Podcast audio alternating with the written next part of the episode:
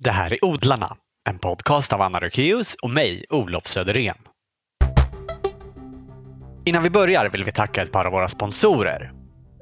Det är Grön IT Konsult AB som saluför proffsredskap för beskärning som japanska grensågar från Silky och Golden Star-sekatörer.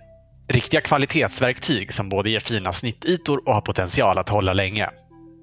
Hela sortimentet hittar du på gronytekonsult.se. Tack Grön IT Konsult! Vi sponsras också av Nelson Garden. Nu när vi snart kan känna oss trygga med att frostrisken är över är det ju äntligen dags att sätta igång med de lite mer värmekrävande grödorna utomhus. Något som jag själv tänkt odla riktigt mycket av i år är gurka. Och i Nelsons sortiment hittar jag bland mycket annat ekologiskt utsäde till en spännande inläggningsgurka som heter Scheletross. En gammal sort, men ny i Nelsons sortiment med vackert guldgult skal som ska trivas allra bäst på friland. Stort tack Nelson Garden. Utan sponsorer hade vi inte kunnat göra den här podden. Vår medverkande den här gången heter Viktor Säve och sedan några år är han och hans fru Elin i färd med att bygga upp Åfallets skogsträdgård i Tyleskog i södra Närke. Där erbjuder de självplock av frukt, bär och perenna grönsaker. De ordnar kurser och festivaler och sommartid öppnar de ibland också sitt lilla ekofik. För första gången i odlarnas historia har vi så här i coronatider spelat in intervjun över länk. Men att döma av de bilder och filmer vi sett från åfallet så är trädgården, trots att den är i sin linda, en imponerande skapelse. Från den 3 maj, varsågoda, Viktor Säve.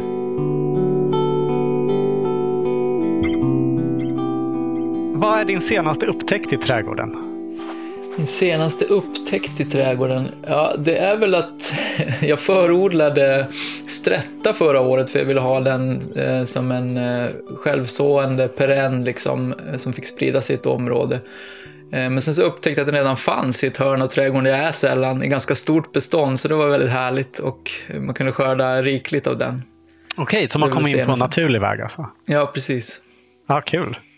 Vill du berätta något kort om den växten?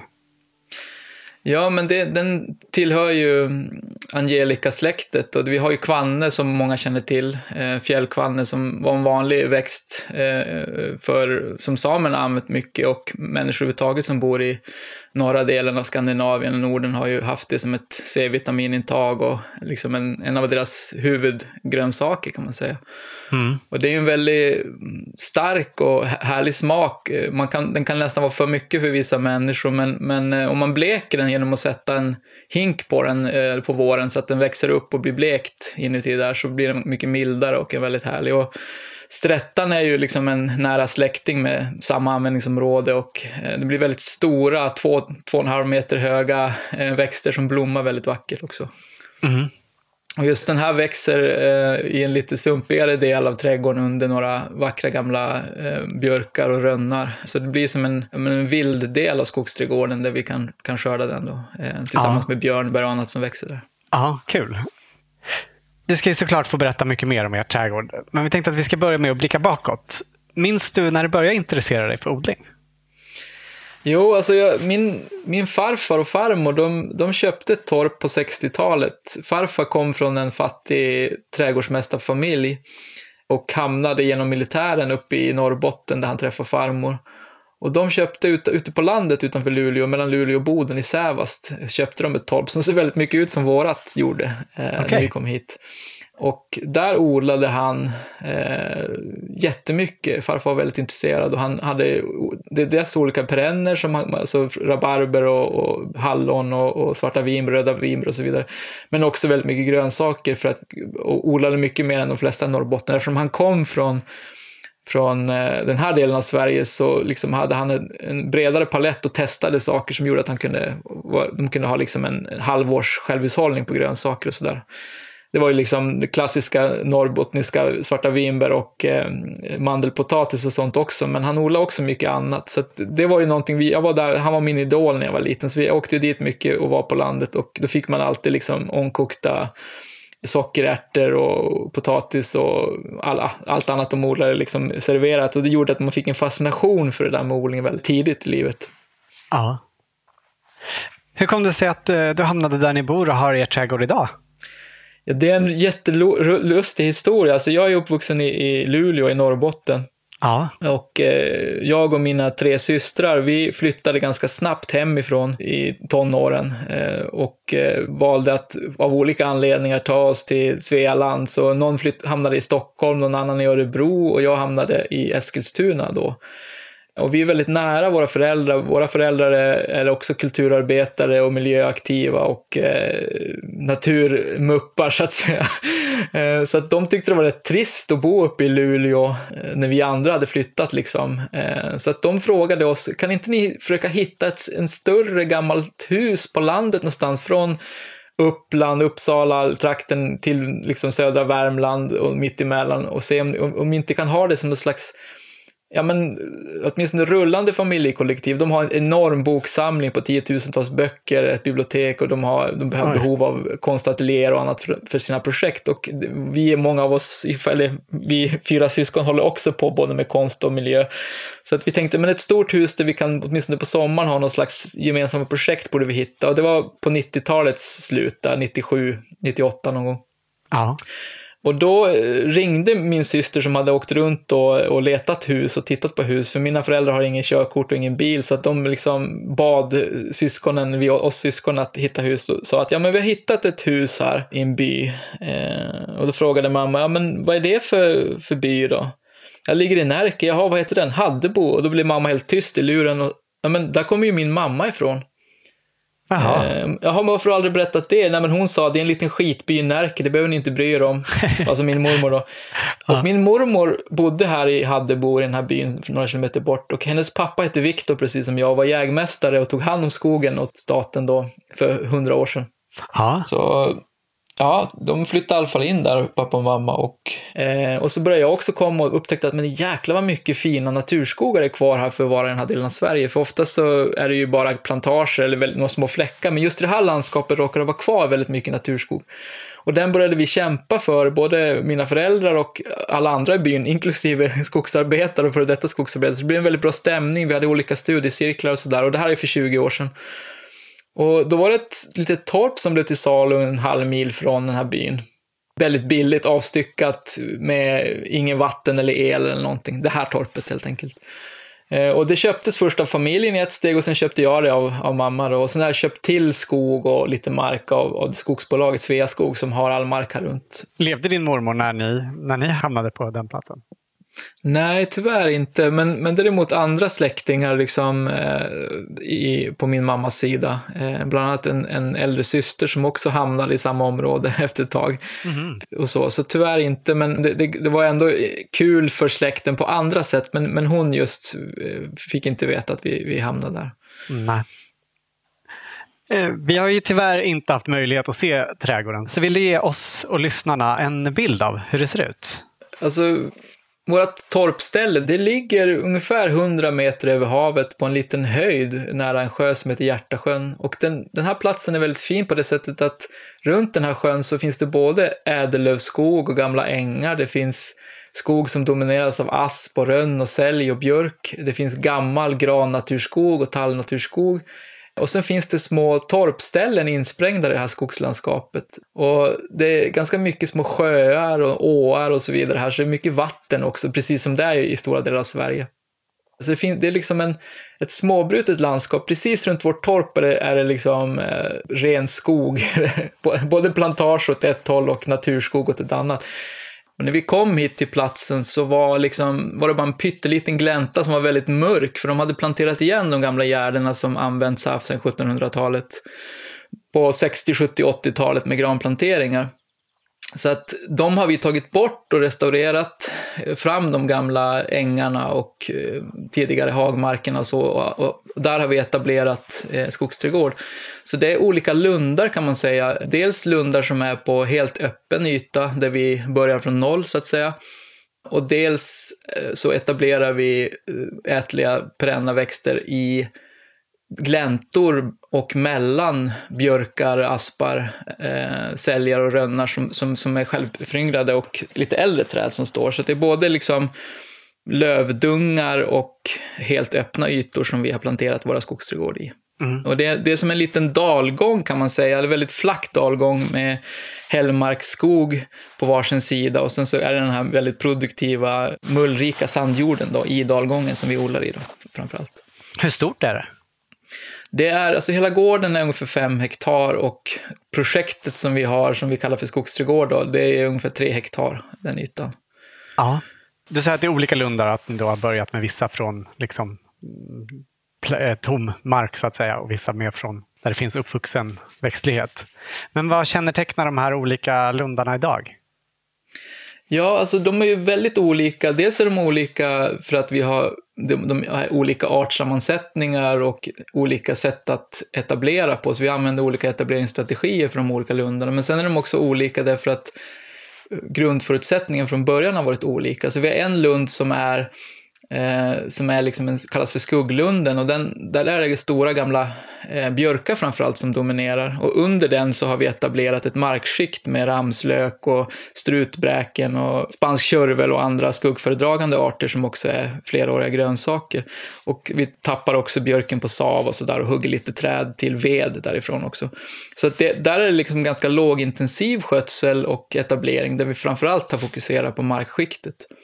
Sen har vi en lund som vi kallar för kastanjelunden där vi har ätlig kastanj av olika slag och storfruktig hassel.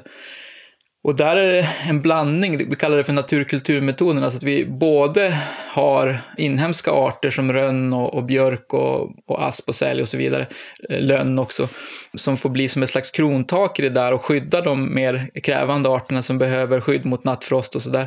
Vara ett slags amträd som man säger. Men vi har också jättemånga arter som kommer från andra delar av världen som vi provar att etablera, som har ätliga växtdelar. Då. Så där är det en blandning mellan det vilda och inhemska, eller vad man nu ska säga, och, och de arter som vi har tagit in och planterat. Ja. Innan vi eh, går vidare, eh, du sa att ni har massa ätliga kastanjer där, men ni håller till i zon 4. Mm, precis. Och kastanjer brukar ju annars säga så att de kanske bara går typ i zon 1. Precis, alltså det, ju, det finns ju ganska många bilder av vad eh, mer exotiska eller man ska säga ovanliga träslag och buskar och växter överhuvudtaget, vad de har för zon. Och det bygger oftast på vart de har de få platser de har odlats på eller de få botaniska trädgårdar där det har funkat. Men det, det är nästan ingen som har testat de här i praktiken, att verkligen planterat ut dem i olika zoner. Så att egentligen så är många arter betydligt mer härdiga än vad, man, vad som står i böckerna, så att säga. Ja. Och sen har ju vi också gjort ett urval förstås då av sorter som vi läst oss till ska vara extra härdiga eller hybrider som ska vara extra härdiga. Så att det är inte så att vi har tagit de mest eh, krävande, känsliga sorterna av kastanj, utan vi har förstås försökt välja ut sådana som vi tror ska fungera.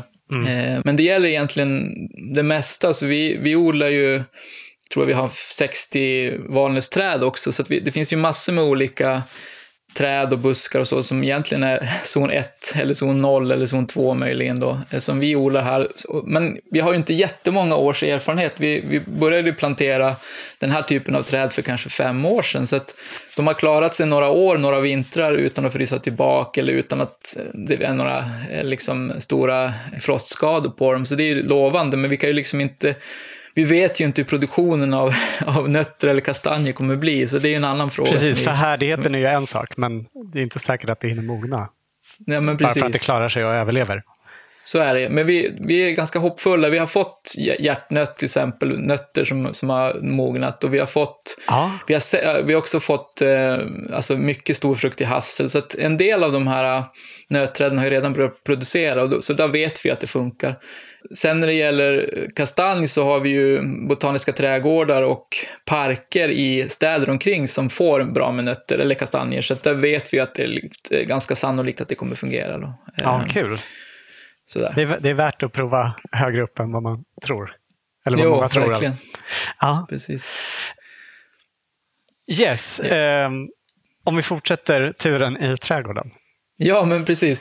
Nej, men sen har vi ju en äppellund eh, och då är det ju äppelträd tillsammans med björk i den lunden som dominerar krontaket. Och eh, där har vi väl, vi älskar äpplen både jag och, eller hela familjen, både jag och min fru då. Så vi har liksom ett samarbete lite grann med en, en man från Pomologiska sällskapet som också har en fantastisk trädgård som heter Karl Strömbergs trädgård. Och där har de oerhört mycket sorter, sådana sorter också som de, eh, de vet vad, de, vad som är karaktären av dem, men de vet inte vad de heter för att eh, de tog över det av den här Karl Strömberg då, som hade trädgården och som, hans skyltar försvann och han har rest runt mm. på cykel och tåg genom hela Europa och också in i Ryssland och hämtade hem massa ymp-material. Och vi försöker väl ta en del av de där träden som har fina äpplen och liksom eh, etablera dem här och på så vis sprida det där eh, materialet. Men sen har vi jättemånga, ett 70-tal sorter som är liksom gamla eh, nordiska kultursorter som vi också vill bevara. Så de är en del av den här äppelträdgården då, så att säga. Sen har vi fläder och, och, hallon och många, många andra arter som, som busk och markskikt runt det där. Men, men det är äpplen som dominerar där. Eh, vi har också en, en nötlund eh, och den nötlunden består framförallt av olika sorters svart valnöt, grå valnöt, hjärtnöt, eh, äkta valnöt, storfruktig hassel, pekan, hekan och så vidare. Där vi testar om det överhuvudtaget är möjligt att få en produktion i den här delen av världen och vilken metod som är bäst att få den. Så vi, vi, vi etablerar träden både med stödträd, alltså amträd, det kan vara tallar, det kan vara eh, klibbalar som fixerar kväve eller det kan vara björkar som står som redan finns. Och sen provar vi också att etablera dem med full exponering av frost, alltså att de står på ett öppet fält. Eh, vi etablerar dem enligt eh, Nils Åkerstedts metod att göra, använda sand, eller sand och grusblandning, men också den jord som är befintlig. Vi bygger upp höjda kullar och vi har eh, vid samma marknivå som redan är för att se liksom, vad, vad föredrar de här olika växterna och vad verkar vara den den, den etableringsmetod och den miljö som de trivs bäst i. Eh, så det är ett slags hobbyforskningsprojekt som vi gör för att vi vill kunna ge rådgivning sen till folk som vill kunna odla för liksom lite större produktion nötter framöver. Då. Fast ändå hobbynivå vill jag understryka för att eh, det finns vissa mätparametrar som kanske inte är klockrena, men vi försöker ändå följa varenda växt och hur vi har gjort med dem på, på ett systematiskt sätt så vi ändå går att jämföra de olika växterna. Där. Eh, sen har vi en lund som vi kallar för plommonlunden och den har också, jag tror att det är kanske 80 olika sorters växter. Men plommon dominerar. Och eh, den har vi etablerat, inspirerat av Martin Crawford och de, den liksom skogsträdgårdslitteratur som finns, eh, som egentligen bygger på vanlig trädgårdsdesign eller på det som landskapsarkitekter använder, att man tar reda på vilket avstånd träden ska ha när de är i sin fulla storlek så de får nog med ljus och sen så täcker man med markdukar eller med kartong eller med tidningspapper och sen så successivt så, så planterar man de olika lagren eller skikten i skogsträdgården på eh, från liksom scratch, alltså från en gräsyta eller en, en åker eller vad man nu har. I vårt fall var det en, en, en gräsyta. Då. Mm. Eh, så där testar vi den principen att utveckla utifrån skolboken så att säga. Och där är det, det kallar vi för en imitationsteknik, alltså att det vi, det, där använder vi inte successionen eller den naturliga växtföljd som blir i en skog, alltså att det blir en jättetät föryngring av pionjärarter som man kan använda som amträd och för att de eh, liksom bygger upp en jättestor mykorrhiza i marken som är kopplad till träd som också de andra träden kan använda. Utan där, där får man bygga allt från scratch och där, där liksom styr man hela successionen till att likna en, en skiktad skog eller busk och trädmark så att säga. Och det är intressant att kunna jämföra då de lundar som vi, som vi, där vi använder oss av den naturliga successionen med den här där vi liksom planterar varenda växt som ska vara där så att säga och på de, det avstånd som rekommenderas enligt litteraturen. Har ni kunnat liksom dra någon slutsats än så länge av skillnaden mellan de här olika sätten? Och och starta ja, upp det hela? Ja, det har vi väl kunnat göra. Vi, eftersom det tar ju, alltså, vi ska säga tio år till innan, innan det nått någon slags hög produktion av, eh, av också trädskiktet. Så det är svårt att dra någon, någon slutsats kring det. Men däremot så kan vi ju se hur sorkangreppen är i de olika delarna. Vi kan se hur mycket skötsel som krävs för de olika delarna. Vi kan ju se hur mycket ekonomi som går in till plantor i de olika delarna. Eh, hur mycket ogräsbekämpning genom eh, slotter eller täckning som behövs i de olika delarna och så vidare. Så det går ju ändå att dra slutsatser och man kan ju också det finns ju väldigt mycket studier och vi är, eftersom vi skog, är skogsekologer och, och, och, även min, min fru är väldigt intresserad av skogsekologi och jobbar med det mycket så, så har vi ju läst mycket litteratur och då kan man ju liksom ta de här kunskaperna som redan finns, å ena sidan om skogsekologi och den dynamik som finns där och alla, alla studier kring hur träd funkar och mykorrhiza-samarbetet med växter och så vidare.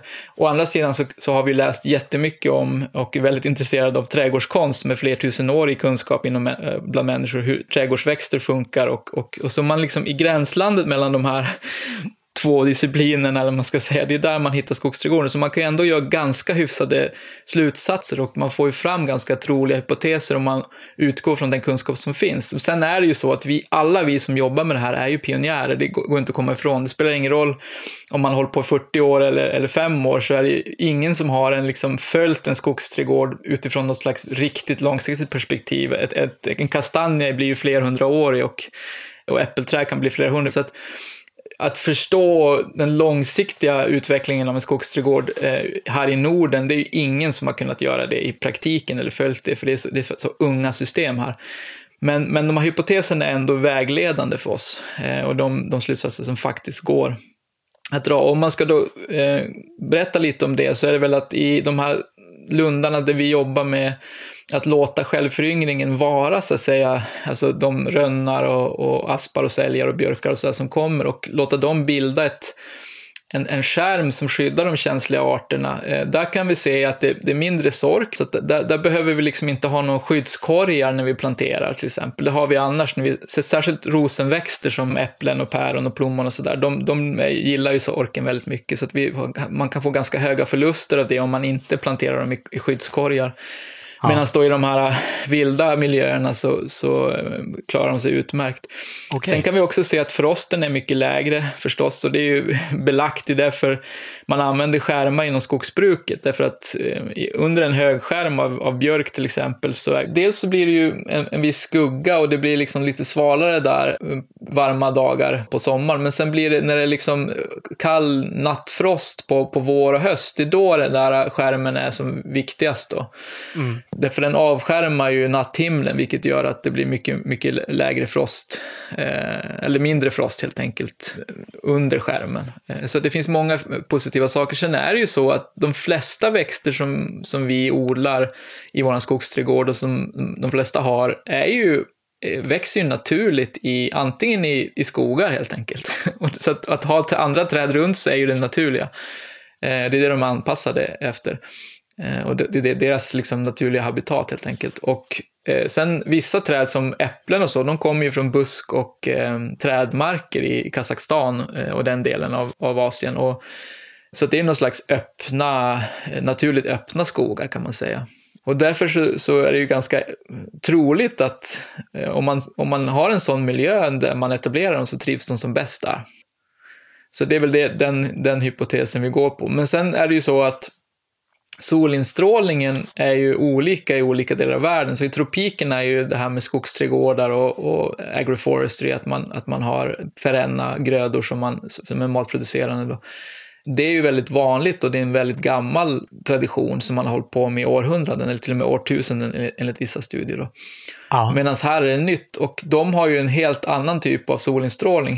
Så att våran solinstrålning kommer ju Eh, Eh, i en helt annan vinkel, så att vi måste ha lite öppnare krontak eh, för att kunna få mogen, mogen frukt och mogna nötter och så, än vad man skulle, man kan inte ha liksom ehm, 15-20 meter höga träd som står lika tätt som i en, i en granplantering eller något sånt system, utan man måste ju öppna upp krontaket på ett annat sätt då, eh, när man ska, om man ska få bra mogna frukter och söta frukter och sådär, och bär.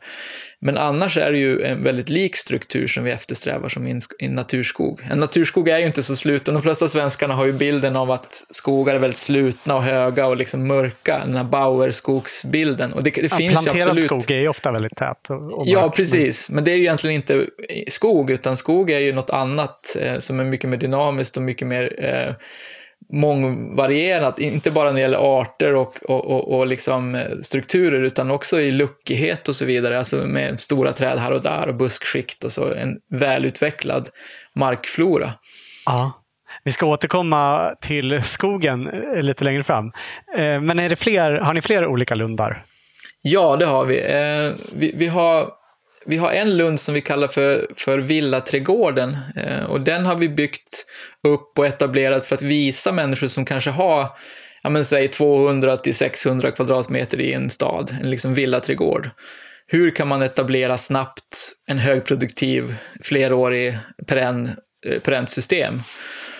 Eh, och, och, och där har vi fokuserat på att Eh, en, också imitationsteknik, men vi har en del inhemska eh, trädslag där också, som en som vi använder som krydda, alltså enbären använder som krydda när vi gör surkål och så. Eh, rönd äter vi bladen på våren och har i smoothies för att den smakar lite som mandel. Och sen använder vi ju bären till gelé och, och andra saker, eh, fruktläder och sådär. Men sen så är det framförallt eh, liksom arter som, som vi har planterat in i den där eh, miljön. Men det vi har gjort där, det är att vi har vi odlade potatis på det sättet att vi bara slog gräset med lie och sen så la vi potatis på marken och sen så la vi ett tjockt lager med ratat ensilage uppe på det där första säsongen. Och, så, och på det sättet så, så dödade vi ut en stor del av det fleråriga ogräset. Och sen så etablerade vi precis allt, alla skikten i skogsträdgården på en gång. Så vi drog upp massor med plantor och så satte vi ut dem, ympade fruktträd och så vidare och, och, och planterade allt på en gång. Så att den är redan nu, fast den är bara tre år, eh, tredje säsongen nu då, så är den högproducerande redan på bär och fleråriga grönsaker och örter och kryddor. Medan frukterna är fortfarande för små, fruktträden. Ja. Och det är extremt lite arbete med, med rensning av ogräs, måste jag säga. Vi kanske lägger fyra fem timmar nu på våren och sen lika mycket mitt i sommaren och sen ungefär lika mycket på hösten. Annars är den helt ogräsfri och den producerar konstant ätliga växtdelar. Så ja, det, är... det, är en sån där inspirationslund som vi har gjort för att visa liksom också hur resten av skogsträdgården kommer se ut om tio år när vi har etablerat de här tre hektaren eh, på sam- alltså med, med alla skikt. Men ja. framför allt att visa att vill man ha en ganska självskötande system med lite skötselintensitet och med hög produktion så kan man göra det på sin lilla tomt med perenner. Och man får in, vi, vi hade en biolog här som vi känner som är duktig på, på humlor. Jag tror han hittade 12-13 hummelarter i den där lilla lunden. Och mm. Vi har jättemycket fjärilsorter där. Så att, det gynnar ju biologisk mångfald, kolinlagring, eh, det blir resilientare, det vill säga mot, mer motståndskraftigt mot, mot olika negativa klimateffekter, för det finns många olika arter, så om en eller två slås ut av de här hundra som vi har i den där lilla lunden så kommer det ändå producera mat, lagra kol och vara livsmiljö, så det är en fantastisk modell på det sättet. Så det är en av våra lundar också. Och sen, det, vi har fler, men jag tänker att de här som jag lyft nu, de liksom är ändå exemplifierar det vi har i, i, för projekt. Sen den sista Aha. jag skulle vilja lyfta, det är vårt växthus, för det är en egen lund också i skogsträdgården. Aha. Och där har vi väl tänkt sådär, vi är fortfarande dekadenta nog att liksom köpa exotiska frukter och så. Eh, eller vi har varit det fram till nu, tyvärr, ibland, Aha. inte så ofta. Men då tänkte vi så här, men det ska vi inte göra, utan vi, ska, vi bygger ett växthus och i det bygger vi upp en skogsträdgårdslund där vi kan få fikon, citrus, eh, frukter, storfruktig kiwi, och många andra växter som vi annars köper importerade för att slippa den transportsträckan och det negativa ekologiska fotavtrycket så vill vi ju producera det själva helt enkelt. Ja. Så, vi har, så vi har byggt ett växthus då, det är inte så stort, det är, så en yrkesodlare skulle tycka det var pytte, pyttelitet, men för oss som är hemodlare så är det rätt skapligt, det, det är 70 kvadratmeter och sex meter högt så att man kan få in ganska mycket. Vi odlar i två lager så att säga, klängväxter eller klätterväxter eh, och lite högre träd som blir uppåt sex meter höga. De tar båda lagren så att säga. Och sen har vi en terrass där vi kan skörda ifrån som är på mitten då. Och sen så okay. odlar vi eh, buskar och eh, marktäckande växter och så vidare, alla skikt i det växthuset också då. Eh, och det är alldeles nytt, så det var, förra året så smygplanterade vi lite grann för att testa eh, hur eh, vårt substrat som vi odlar i funkar och hur, det funkar växthuset. Så vi satte in kiwi och, och mm, lite vinrankor och, och jättemycket ettåriga växter och så där, bara för att se hur det funkar att odla i det. Och jag tror vi fick fem meter långa kiwirankor och sju meter långa vinrankor, så det funkade väldigt bra. Aha, vad, vad har ni för substrat? Eh, ja, alltså vi har inspirerats av, av Nils Åkerstedt och Peter Korn, där, som är sandodlingsgurus. Liksom. Mm, och som eh, båda tidigare har varit med i Odlarna också. Ja, just det. Precis. Det är faktiskt så jag, jag lyssnade på, på de eh, inslagen faktiskt och blev väldigt eh, entusiastisk kring. De hade ju två olika perspektiv. Den ena tar minutiöst bort varenda växtdel för att det inte ska bli för mycket liksom, jordsubstrat eh, efter ett tag. Då. Ja, Eller inte komma in mull Peter hela... Korn vill ha helt ja. mullfri jord helst. Precis, precis. Och den andra bygger upp en mullrik sandjord fast på sikt som ändå har den här kvaliteten av sanden där man får in mycket syre till rötterna och det är lätt för, för rötterna och växterna att ta upp näringen ändå, fast det finns mull då på sikt. Då.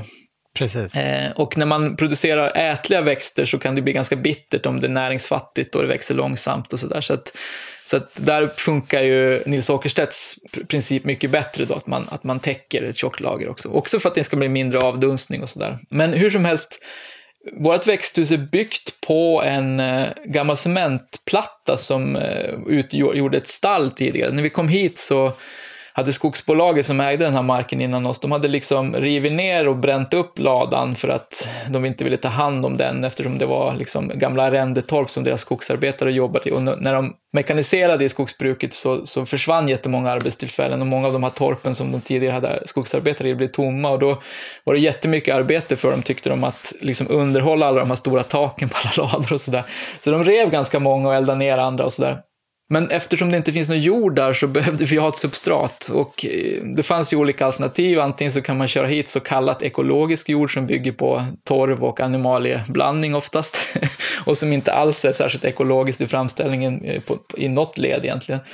Eller så kan man eh, göra kompost och eh, egen jordblandning eh, i ganska stora kvantiteter om man ska bygga upp liksom halvmeter, meter tjocka bäddar på så stor yta. Ja. Och sen så finns det alternativet att jobba med sand och grusblandning då, 08.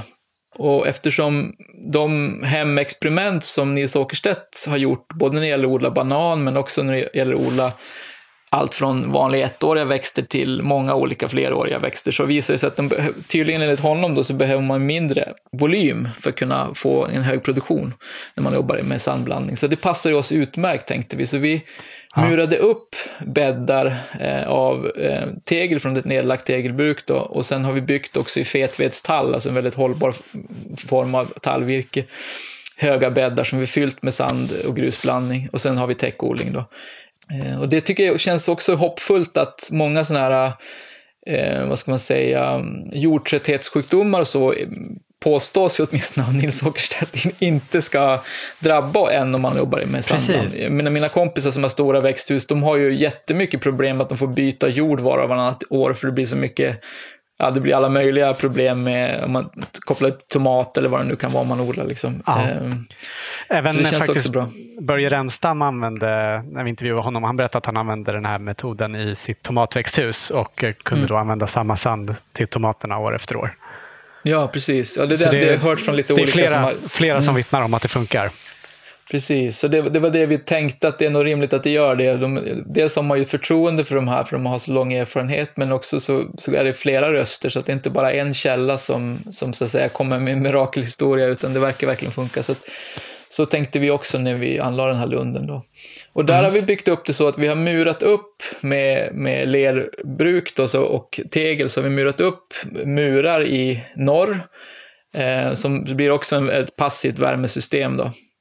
Och mot det så har vi satt de mest värmekrävande arterna som härdig citrus, eh, russinträd, eh, olika sorters fikon och så vidare, som behöver mycket värme för att kunna producera. Alltså man kan ju ha fikon på friland här också, men då kanske man får två, tre fikon. Det blir liksom inte lika intressant, det är häftigt att ha växten, men vi, vi är intresserade av maten, liksom, att få, få en kvantitet skörd också. Räcker det med den värmen då, eller behöver ni någon mer uppvärmning? För vi, har ett, vi har ett till system som vi testar som kallas för klimatbatteri, och det är en amerikansk permakultur och skogsträdgårdsentusiast som heter Jerome som har skrivit en bok som heter The Forest Garden Greenhouse. Och han har under lång tid funderat på, går det att göra uppvärmda växthus på sätt som inte tar enormt mycket eh, energi? Alltså antingen då via eldning eller gas eller något sånt där, eller via eh, el. Liksom. Eh, och då kom han på ett system, eller utvecklade vidare ett system där man via en fläkt suger den varma luften som liksom lagras eller som, som koncentreras högst upp i växthuset eftersom värmen stiger. Suger man ner den i bäddar, i slangar i, under jorden eller under sanden i vårt fall, då, och sen ut, den fläkt som drar då i ett kortare rör genom det där. Och det gör man, man har på den fläkten under dagar när det är sol och så lagras ju all den här värmen i bäddarna och avges liksom under nätterna. Och det där systemet såg vi första gången i, i, nere på en syster, ett systerprojekt då, som min syster och hennes kille har på Österlen. De har ett liknande projekt som vi där. Mm. I praktiken första gången för ett par år sedan, för de har gjort så i sitt växthus. Och det funkar jättebra. De får en förlängd säsong också, så det blir det är ja. ganska långtidsverkande. Det är inte bara att man liksom får lite vad ska säga, ljummare nätter, utan det skapar också, det blir ju varmt i bäddarna helt enkelt, så att man kan börja odla tidigare. Ja. Och det blev liksom, när vi såg det i praktiken, en sak om man läser om din bok, då känns det oftast lite mer komplicerat än det är, men när man såg det i praktiken hur enkelt systemet är och genialt så känner vi att det här måste vi göra när vi ändå bygger upp det. Så det, det är det. Eh, och det är inte så, jag tror effekten drar väl kanske jag kommer inte ihåg nu, men det är alltså en låg energifläkt, så att det, våra solceller kan med enkelhet driva den på höst och, och vår. Aha, och den ska ju framförallt gå när, är, när solen skiner, när det är som varmast också. Exakt, precis, det är det den ska göra. Eh, mm. Så det är väl det. Så det är grunden som lagrar, det är de här uppmurade bäddarna som lagrar i, i, tegelstenarna och i, i kobben. Då. Och så väggen och så det här halvpassiva systemet, så det är det som är uppvärmningen. Så annars är det liksom ett kallväxthus. Vi har tagit alla fönster från någon rivning som vi åkte förbi ett höghus där de stod och slängde ut stora fina fönster genom, från balkongerna nere i containrar kraschade de dem och då sprang vi dit. Men kan vi inte få så många som möjligt? och sen har vi sågat från vår egen skog eh, virket till själva stommen då av växthuset. Ja. Så det, det, är liksom eh, ja, byggt från återvunnet och från eh, lokalt material kan man säga. Toppen ju. Du nämnde russinträd. Ja. Berätta vad det, det är. Ja, nej men alltså det, eh, vi vet väl inte riktigt. Jag har läst om det i lite olika böcker, framförallt Martin Crawford har skrivit om det och eh, det är ett träd som, där det är själva eh, skälkarna, liksom fruktskälkarna som man äter. De ser ut lite grann som skrynkliga ingefäraknölar eller något liknande. De ska smaka som russin och vara väldigt goda. Okay. Och det är, de är från det är japanskt russinträd. Men själva frukterna äter man inte? Eller det, Nej, det är precis. Det är fruktskälkarna man äter. Precis. Mm, det, det, det verkar jättespännande. Det kändes som en sån här jätterolig grej att bara prova. Vi, överhuvudtaget så är det så i vår skogsträdgård att såna här växter som vi vet är goda, går att lagra, går att sälja, som vi använder i vårt hushåll som äpplen, päron, plommon, körsbär, krusbär, vinbär, hallon och så vidare. Det är det som dominerar. Medan arter som är ovanliga här i vårt klimat i alla fall, som storfruktig kiwi eller hickory eller något sånt där, det har vi några få exemplar av. Eller russinträd eller härdig citrus eller vad det kan vara för någonting. Och det är så det ser ut också, in, om man tänker hur det ser ut i ett naturligt skogsekosystem, så är det också så att, eller en ängsmark, så är det ju oftast de vanliga eh, liksom mindre krävande arterna som dominerar fältskiktet. Alltså man kan se i, en blåbärsskog till exempel, så är det blåbär eller odon så som, som man ser mycket av. Men medan de mer rara växterna, de som är mer ovanliga och mer krävande, de är det mindre av. Men, men tittar man i tota-, totalen, så att säga, den artmångfaldstotalen, så är det de ovanliga som dominerar. Alltså den största delen av artmångfalden består av arter som inte är så vanliga, men som mm. är jätteviktiga i ekosystemet. Och det är så vi har också tänkt när vi bygger upp vår skogsträdgård att vi ska ha liksom ekosystembärande träd som finns här på platsen i trädgården, som, som asp och sälj och så, som har otroligt stor artmångfald kopplat till sig. För de har ju funnits i Sverige i tusentals år och de har ju jättemånga pollinerande eh, insekter kopplade till sig, jättemycket svampar, lavar och så vidare. Medan de här nya växterna som Pow-Pow eller amerikansk persimmon eller vad det är, som vi vill experimentera med för att de är exotiska och goda frukter, de har ju inget ekosystem av arter kopplat till sig, för de kommer ju från ett helt annat ekosystem. Och därför så menar vi att för att få en stabilitet i systemet och en, en förhoppningsvis en, klara av klimatförändringarna bättre och vara mer resilient, så behöver vi ha en stomme som är ganska kraftig av de här inhemska arterna. Men även av sådana kulturarter som äpplen som har funnits flera hundra år i Sverige. Ja. Som vi vet funkar i vårt klimat. Så, att, så tänker vi och så det, det genomsyrar hela utformningen av trädgården kan man säga på alla plan. faktiskt. Ja. Hur länge är det ni har hållit på och byggt upp trädgården? Ja, den har väl jag och Elin då, min fru och partner här, vi, vi har liksom jobbat med restaurering först och började vi med för 11 år sedan ungefär. Ja. Eh, där vi tog ner de här granplanteringarna som stod i raka rader där det bara var barr under.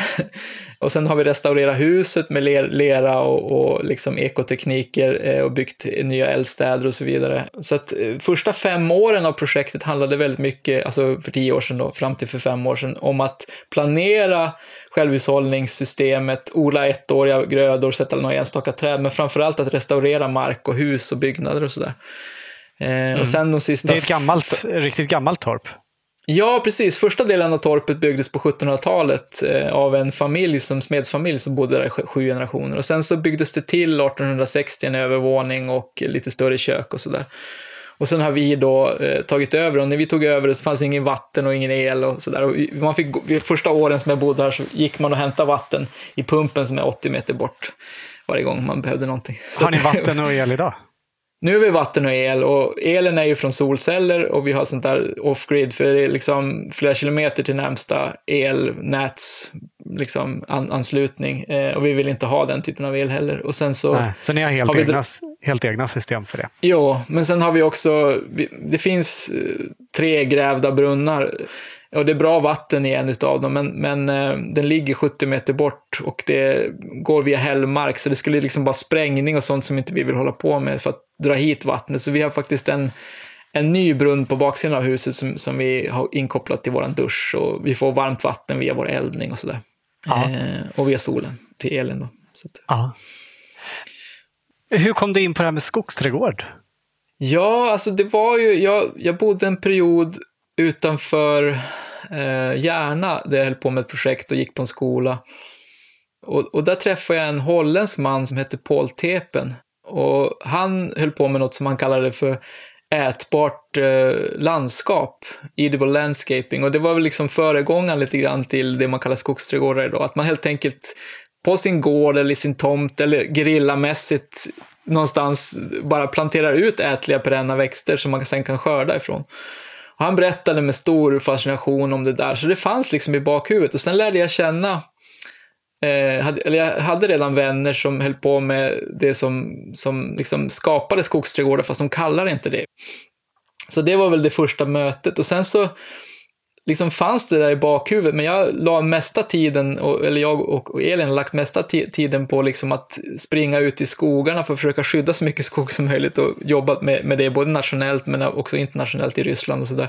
Men det som fick oss verkligen att liksom förstå kopplingen och bli entusiastiska, det var väl när vi kom i kontakt med lite mer djupgående litteratur. Det var Martin Crawford kom ut med en bok, How to create a forest garden, tror jag den heter, eller någonting sånt. Eh, och eh, den fångade oss enormt mycket, vet jag. Och Robert Hart förstås också, eh, han, han som myntade begreppet. Det är ju ett väldigt gammalt koncept, har funnits i århundraden eller årtusenden i tropikerna, så han kom inte på själva skogsträdgården i sig, men han eh, jobbade mycket med att sprida tanken i alla fall i, i England och i västvärlden. Liksom. Ja. Så deras böcker betydde otroligt mycket eh, för att liksom koppla ihop det där på något sätt. Mm. Är Elin lika intresserad och engagerad i trädgården som ja, du? minst, minst lika. mm. ja. Ursäkta avbrottet, men odlarna har ytterligare ett par sponsorer som jag vill tacka. Det är dels Forslunda gymnasiet i samverkan med Umeå kommuns yrkeshögskola. Där börjar till hösten en alldeles ny trädgårdsmästarutbildning. Den enda YH-utbildningen i Sverige med inriktning mot frilandsodling och förädling. Och för dig som skulle vilja utbilda dig inom trädgård men inte har möjlighet att göra det i Umeå så erbjuder Forslunda gymnasiet också en trädgårdsmästarutbildning på distans med inriktning mot ledarskap, skötsel och underhåll av gröna miljöer. Samtliga utbildningar på yrkeshögskolan är avgiftsfria och berättigar till studiemedel från CSN. Läs mer och ansök på umeo.se-yh. Stort tack Forslunda gymnasiet! Vi sponsras också av Lupinta som tillverkar tempe av kravodlade lupinbönor från Skåne. Ett fantastiskt gott och klimatsmart alternativ till kött. Lupinta vill lyfta fram sötlupinen, ej att förväxla med den invasiva blomsterlupinen, som ett hållbart val för nordiska lantbrukare och hobbyodlare. Den har samma höga proteininnehåll som sojabönor och är dessutom full av kostfibrer. Vill du veta mer om lupinbaserade produkter och var de finns att få tag i så gå till lupinta.se. Eller följ Lupinta på Instagram eller Facebook, där de också heter lupinta.se.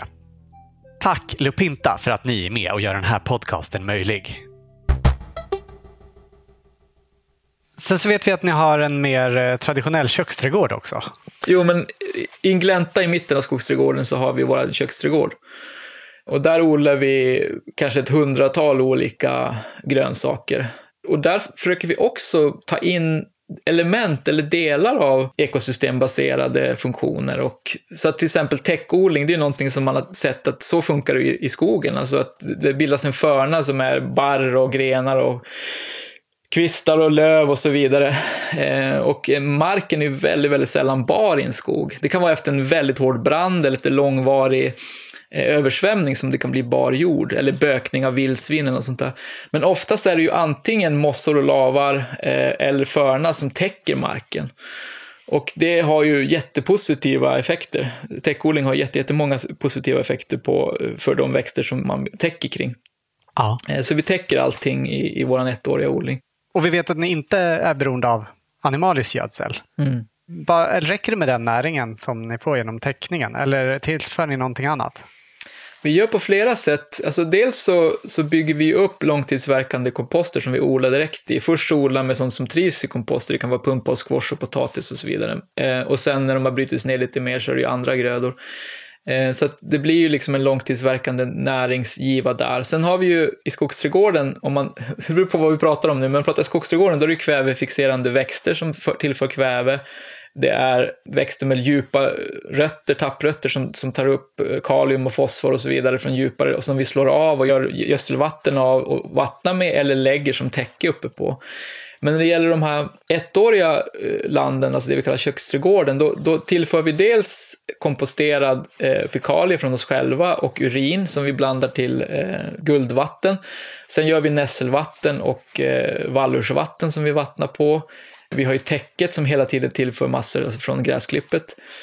Eh, så det är väl det huvudsakliga kan man säga. Och sen komposterna då förstås. Det är både trädgårdskompost eh, i form av löv och, och liksom olika grövre eh, ogräsrensdelar och så vidare, eh, kvistar och så. Och sen så vill man ha mer kväve i det så kan man ju hälla på urin och så vidare. Så man ja. får, får igång en process där. Och sen det, är det ju kökskompost och, och, annat också. Det gräset ni tillför, det, kommer det liksom från era marker också? Jo, men precis. Så vi, vi, dels så slår vi med, med lie och med röjsåg, beroende på hur stenigt det är så har vi röjsåg och de andra ytorna försöker vi slå med lie. De gångar som är och de, liksom, den infrastruktur som är i skogsträdgården. Eh, sen har vi det som vi kallar nötlunden, där har vi som ett av målen med markskiktet är att den ska producera täckmaterial till resten av skogsträdgården och till de ettåriga odlingarna. Så där slår vi ungefär en, mindre än en hektar, kanske 8000 kvadratmeter som vi har, som vi slår regelbundet varje år. Sen sparar vi grön infrastruktur med ängstegar som vi bara slår en gång per år där också, eh, för att det ska kunna finnas eh, habitat för de djur och växter och svampar som behöver den typen av miljö. Mm. Men all näring kommer från trädgården och från er själva kan man säga. Det, är, det gör det. Ni är självförsörjande på näringsämnen. Precis. Det, det, vi har gjort när vi har börjat anlägga, när vi inte hade liksom de stora kvantiteter som behövts, det är att vi har tagit hit kasserat ensilage från bönder i, när, i området som annars som de inte kan mata, ge till djuren för att de har ruttnat eller de har andra skador, så, så liksom använder vi det som täckmaterial. Så det har hänt att vi har, vi har tagit hit stora kvantiteter av ensilage också, men vi är inte beroende av det, liksom, utan det är mer om vi har gjort någon större lund och vi har gjort ett stort marktäcke. Så eh, som en engångsgrej så har vi haft ensilage då. Eh. Ja. Och att ni har skapat system där ni inte är beroende av animalisk gödsel, är det liksom ett etiskt ställningstagande eller är det bara tanken att skapa ett så nära kretslopp som möjligt? Det finns flera aspekter. Dels, jag, jag har personligen varit vegan då, eller vegan, jag tycker inte om såna här, att man sätter sig själv i någon, i någon slags eh, folla, men jag, jag ätit veganskt i över 20 år och varit aktiv i, i den rörelsen också när jag var tonåring och sådär. Så att därifrån så har jag väl ändå liksom sett hur extremt arealkrävande det är med stora delar av det storskaliga kött och mjölkproduktionssystem som finns idag. Så det är klart att det finns en ekologisk tanke bakom, men, men det är också att vi har ju bara tre hektar yta, så att om vi skulle kunna ha, vi skulle ju aldrig kunna ha liksom djur här och odla allt vi vill och ha självplocksträdgård och marknadsträdgård och så vidare. Det skulle aldrig räcka yt, ytmässigt, så att det är liksom rent logistiskt också så att att vi kan inte ha idisslande djur som behöver stora arealer bete och stora arealer som ska odlas upp till deras vinterfoder och sådär, utan utan ska vi kunna vara självhushållande på mat och producera ett stort överskott som vi kan sälja på den här lilla ytan så, så är det liksom eh, ett animaliefritt eh, vad ska jag säga, system som vi behöver ha.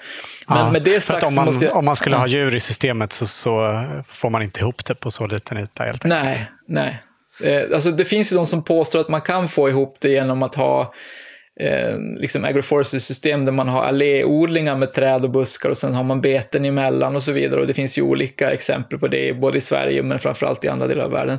Men jag menar ändå att slår man ut det på de här tre hektaren så är det mycket effektivare att vi är den, så att säga, den, det, det däggdjur som stör och liksom påverkar det här ekosystemet och trampar och eh, slår och flyttar och har ut gödsel och så vidare, än att vi ska ha betesdjur eller, eller fåglar eller vad det nu är man kan ha i, i sådana system.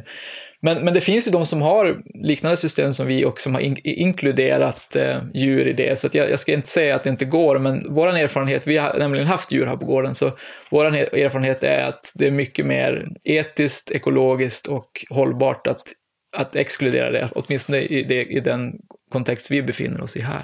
Ja, men, men ni har ändå testat att ha djur i, i det systemet? Alltså, var, var, liknade det systemet det som ni har nu, eller var det något helt annat ni gjorde då?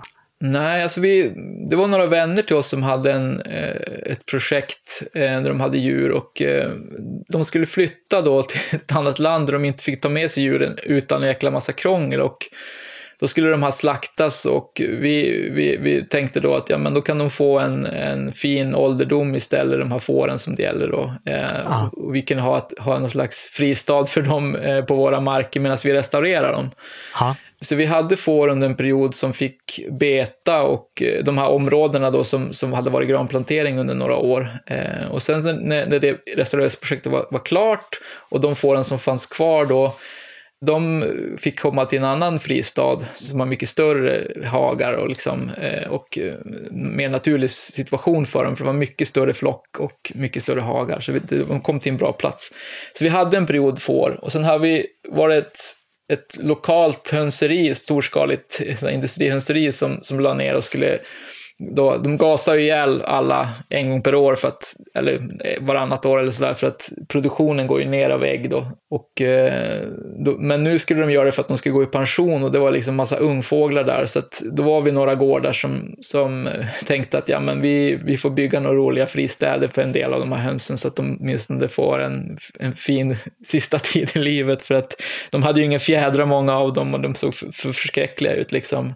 Mm. Men hur som helst, vi har haft lite erfarenhet av att ha djur och sådär, men det är inte en del av eh, vårt sätt att liksom leva här ute. Och det finns ju många, alltså, oftast om man läser permakulturlitteratur eller om man tittar på självhushållningssajter eh, och sådär, så, så romantiseras ju ofta det här med djurhållning, att man Inom permakulturen tar man oftast hönsen som någon sån här staplingsexempel där man kan få fjädrar och ägg och kött och ogräsrensning och, och så vidare. Men de negativa sakerna, alltså kostnaden för vinterfoder, kostnaden för, för stängsling, tidsaspekten, eh, det etiska när det gäller liksom att, eh, att faktiskt förkorta deras liv fast det är helt onödigt för att få mat och så vidare och så vidare. De listas sällan. och eh, jag, jag, tycker att, alltså, jag, oavsett om man som vi har kommit fram till att vi tycker det mest etiska och ekologiskt hållbara det är att ha en vegansk kost och ett veganskt sätt att producera mat. Även om man kommer fram till att man tycker det är naturligt och hälsosamt och bra att ha djur, så tycker jag ändå att det är viktigt att man listar alla olika aspekter, oavsett om det är saker som är mindre smickrande, typ att eh, man måste se till dem två eller tre gånger per dag, det finns massor med ekonomiska aspekter, ytmässiga aspekter, ekologiska, det här med sjukdomar, det är väldigt tydligt idag då, till exempel med coronan då, men också överhuvudtaget när det gäller smittspridning, att vår kontakt med och antibiotikaanvändningen inom liksom, djur och industrin har ställt till med enorma problem för mänskligheten, men också för ekosystemen såklart.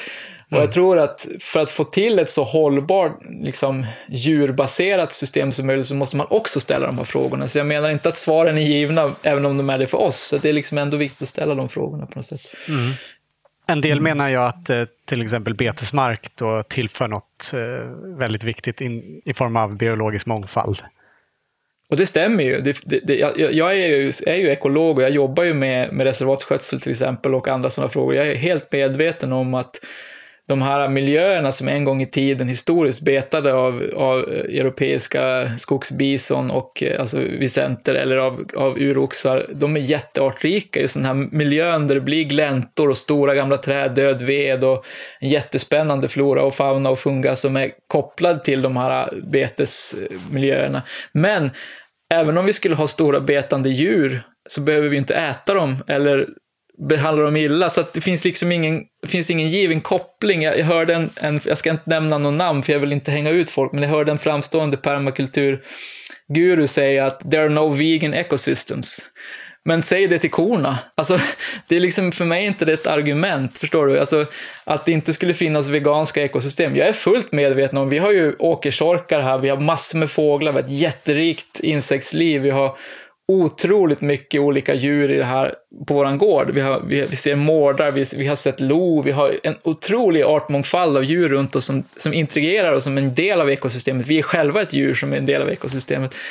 Men att slutsatsen därmed är att vi ska ha en stor konsumtion av kött och en stor liksom, produktion av, av mjölk och eh, animalieprodukter. För mig är inte det ett lik, det finns inget likhetstecken. Alltså, så det är två olika frågor. Och det, mesta, det allra mesta av djurindustrin är ju inte utformad så att den tillför något till den biologiska mångfalden. Nej, precis. Det är en romantiserad bild. Alltså, det finns ju, jag har, jag har flera vänner som, som har den här typen av extensiva betessystem där man, där man liksom har skogsbete eller man har beten på marker som är ganska magra eller svårodlade när det gäller grönsaker och så vidare. Så att jag, jag vet att det finns otroligt fina eh, exempel på hur man kan hålla djur på ett sätt som inte är storskaligt industriellt. Absolut. Men frågan i slutändan är ändå så här, vi skulle ju kunna jobba med det som kallas för rewilding. Vi skulle kunna tänka oss att stora ytor eh, kunde få återfå de här stora betande däggdjuren och få styras av dem. Och det skulle bli ännu bättre, sannolikt, än, än de här hag, begränsade hagmarkerna som vi har idag. Mm. Så att med det sagt så känns det som att man måste ställa varje fråga för sig, för blandar man ihop de olika frågorna så blir det lätt olika argument och ett ställningskrig på något sätt, som är, som är helt onödigt som jag ser det. Ja. Du nämnde ju att ni eh, använder komposterad latrin som gödsel. Ja, Hur precis. hanterar ni den? Ja, vi gör ju långtidskomposter, eh, så vi, vi blandar fekalierna, eller skiten då, med grenar, med massor med olika typer av växtmaterial. Också lite grövre, flis och så vidare. Och sen får du kompostera under ett till ett och ett halvt år. Ja. Har ni någon form av mulltoalett då? Precis, vi har många mulltoaletter eftersom vi har pedagogisk verksamhet här och vi har festivaler och vi har olika typer av kurser, så vi har åtta olika utedass då. Och alla separeras då så att vi, vi får urinen i, i tankar som vi kan blanda med vatten och vattna ut och fekalierna långtidskomposteras helt enkelt i, i kompostbehållare. Mm. Vi kan bara förtydliga att, att vi hänger oss fast vid det här med toaletter och avlopp. Det är ju för att så som dagens avloppssystem ser ut är väldigt ohållbart. Där vi bara spolar ut näringen och den, det läggs på hög utan att återföras till odlingen. Men vi skulle behöva designa om hela systemet så att den näring som spolas ut i avloppet kan återgå till odlingen. Ja, absolut. Så att man knyter ett, ett kretslopp av det. Mm. Vi vet ju att ni har eh, hundratals olika nyttoväxter i er trädgård, så vi kan ju tyvärr inte prata om alla. Men kan vi få några favoriter? Alltså, det kanske blir som en besvikelse, men jag tror att några, att säga det, men några av våra favoriter är ju ganska vanliga växter som olika goda sorters äpplen eller plommon eller sådär vanliga liksom, eh, prydnadsväxter som strutbräken och funkia eh, som folk kanske inte tänker på att man kan äta men som är jättegoda om man tillakar dem på ett bra sätt. Mm. Funkia är ju eh, en riktig delikatess. Ja, ja, det är jättegott, precis. Men det är klart att vi har ju många, alltså det är svårt att säga någon, storfruktig hassel är jättekul, alltså egen hassel, eh, valnötter är jättekul. Det finns några så nya sorters vin i vinbärssläktet, eh, som gullrips till exempel, som har lite som en... Kommer, kommer ni ihåg kärtabletter när man åt när man var liten? Så, de så godis som var lite så kär, lite så sträv, speciell smak liksom. Ja, de smakar som en, en söt, alltså ett vinbär med lite den liksom vuxna smaken. De är helt mm. fantastiska. Det är också en sån där jättebuske som blir flera meter hög. Eh, lite, det låter lite, man får liksom, Den är kul. Eh, gullrips, och det är också en rolig art. Eh, spinatskräppa, om det är en god sort, är ju superanvändbar.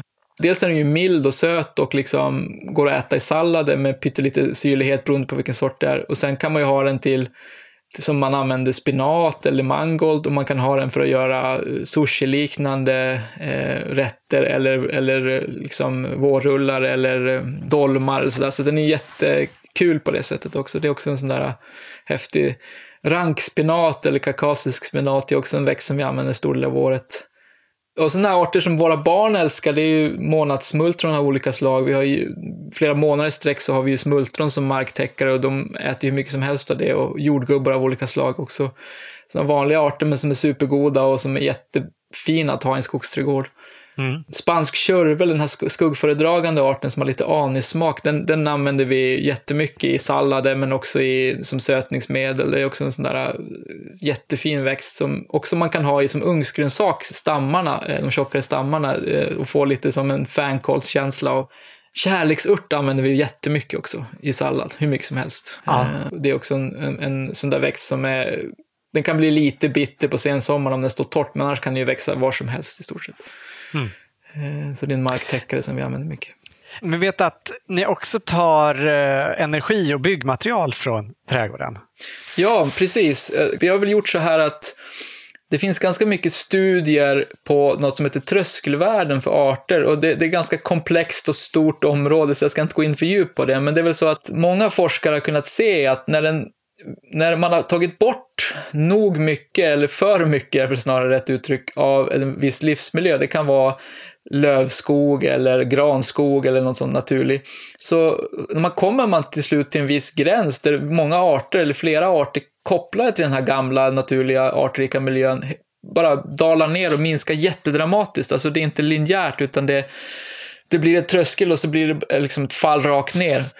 Och därför har vi tänkt så att minst 30 procent av våran fastighet eh, ska undantas helt eh, liksom från eh, någon slags kommersiellt nyttjande eh, där det istället bara utgör en grön infrastruktur eller habitat för alla miljöer. Så när det gäller våran skog så så det mesta gör vi bara saker som att plocka örter, bär och svamp, men ingen ved tar vi ut eller någonting. Eh, det är den största delen av vår, vår lilla skog, som jag tror det är 70 procent av vår skog eller någonting sånt som vi lämnar så, men 30 procent av ytan då. Sen så sparar vi minst 30 procent av all markvegetation eh, genom att till ängsflora, alltså vi slår den en gång per år eller vi lämnar den helt orörd, lite olika beroende på vad det är för typ av miljö. Eh, och där anlägger vi inte liksom mynta eller några andra örter eller marktäckande fleråriga grönsaker, utan det får vara liksom för, för den vilda floran och faunan och för de svamporganismer som, som är kopplade till det. Och samma sak med död ved. Man vet att död ved är bland det mest levande som finns i våra ekosystem. Mer än 6500 arter i Sverige är knutna till död ved. Och det är någonting som saknas i våra ekosystem. Vi har städat skogarna, vi har städat hagmarkerna och inägorna, som, alltså gårdarna, enormt mycket på död ved. Och det, det gör att många, många arter och eh, flercelliga arter är hotade. Så vi tillför istället död ved. Eh, så att om vi vet att det är någon allé som har eh, askar och almar som har dött som Vägverket ska ta ner, då ber vi dem köra hit dem och lägga ut dem som stora träd i trädgården. Eller när vi själva hugger ved så sparar vi en ganska stor del av det trädet som vi hugger ner och lägger som död ved och gör faunadepåer, rishögar som många organismer eh, trivs i och sådär. Så det är en del av det. Och när vi då jobbar med skogen så tar vi också ut virke i vissa delar av skogen och dels är det hela vår försörjning av ved, alltså värme för, för vinterhalvåret i, i huset. Men sen är det också för att såga virke till det eh, byggen vi har. Eh, och sen så tar vi jättemycket klent virke som vi har till våra flätgärdsgårdar eller som vi har till att bygga växtstöd eller vad det nu kan vara. Så vi, vi använder det också i, som hantverk och i trädgården på många sätt. Men det är viktigt för mig att poängtera att vi, vi gör inga kalhyggen, vi, vi plockar enstaka träd och vi försöker göra så extremt liten påverkan som möjligt på strukturen i skogen för att bidra till att få istället en högre mångfald än, än en mindre mångfald av vårt virkesuttag. Då. Ja. Eh, du har jobbat mycket med skog och skogsekologi eh, också i andra sammanhang. Du har varit med och grundat föreningen Skydda skogen. Du har varit skogsansvarig på Greenpeace i Norden och eh, ordförande i internationella Tiger Rescue Network. Hur mår svensk skog?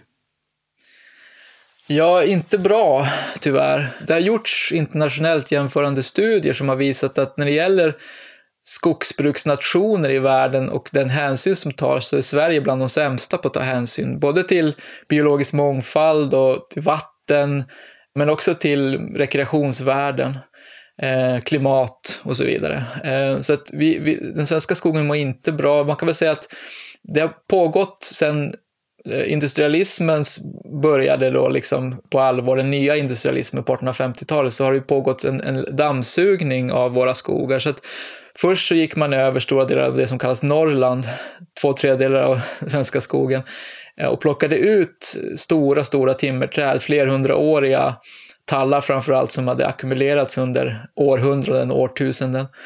Eh, men det var ändå riktig skog kvar, fast med klenare virke. Då. Genetiskt jättestor mångfald, skiktad, små till stora träd och så vidare. Och sen på 50-talet i stor skala så slog kalhyggesbruket igenom och då tog man bort hela ekosystemen eh, och ersatte dem. I början var det ju naturlig föryngring då att man sparade frötallar och man brände hyggena ofta, eller man, man på olika sätt så markberedde man så att man fick upp en ny skog då. Men sen så slog det igenom med plantager så att man idag så är det absolut nästan 90 procent av alla avverkningar blir ju plantager. Så att man hugger ner ett ekosystem och så, så sätter man tallar och framförallt granar i raka rader. Och sen så på ganska stora arealer, hundratusentals hektar, så är det också främmande trädslag som contorta till exempel. Då. En tallart från, från Kanada. Och det här har ju haft enorma negativa konsekvenser för, för de växter och djur som är beroende av och som lever i naturlig skog, men också för en jättelång rad av de ekosystemfunktioner som vi alla är beroende av. Det är väldigt få som känner till det, till exempel det faktum att ett kalhygge släpper ut enorma mängder koldioxid. Det finns beräkningar från forskare på Lunds universitet som visar att det är en större utsläppskälla per år, kalhyggena som görs varje år, än vad hela biltrafiken är i Sverige. Och lägger man till då tillverkningen av pappersmassa, som, som är den största så att säga, användningsområdet. Det, 80 procent ungefär av allt som avverkas i Sverige blir kortlivade produkter. Alltså framförallt papper och massa och, och papp, men också bi, eh, så kallad bioenergi, alltså helt enkelt att man, man förbränner den på olika sätt. Så det mesta som huggs blir till koldioxid väldigt fort. Så det släpps ut enorma mängder koldioxid och även andra växthusgaser på grund av skogsbruket. Då. Och sen kan man lägga till då att för att få mer skogsmark, produktiv skogsmark, så dikades enorma arealer värdefulla våtmarker och eh, alltså, våta skogstyper.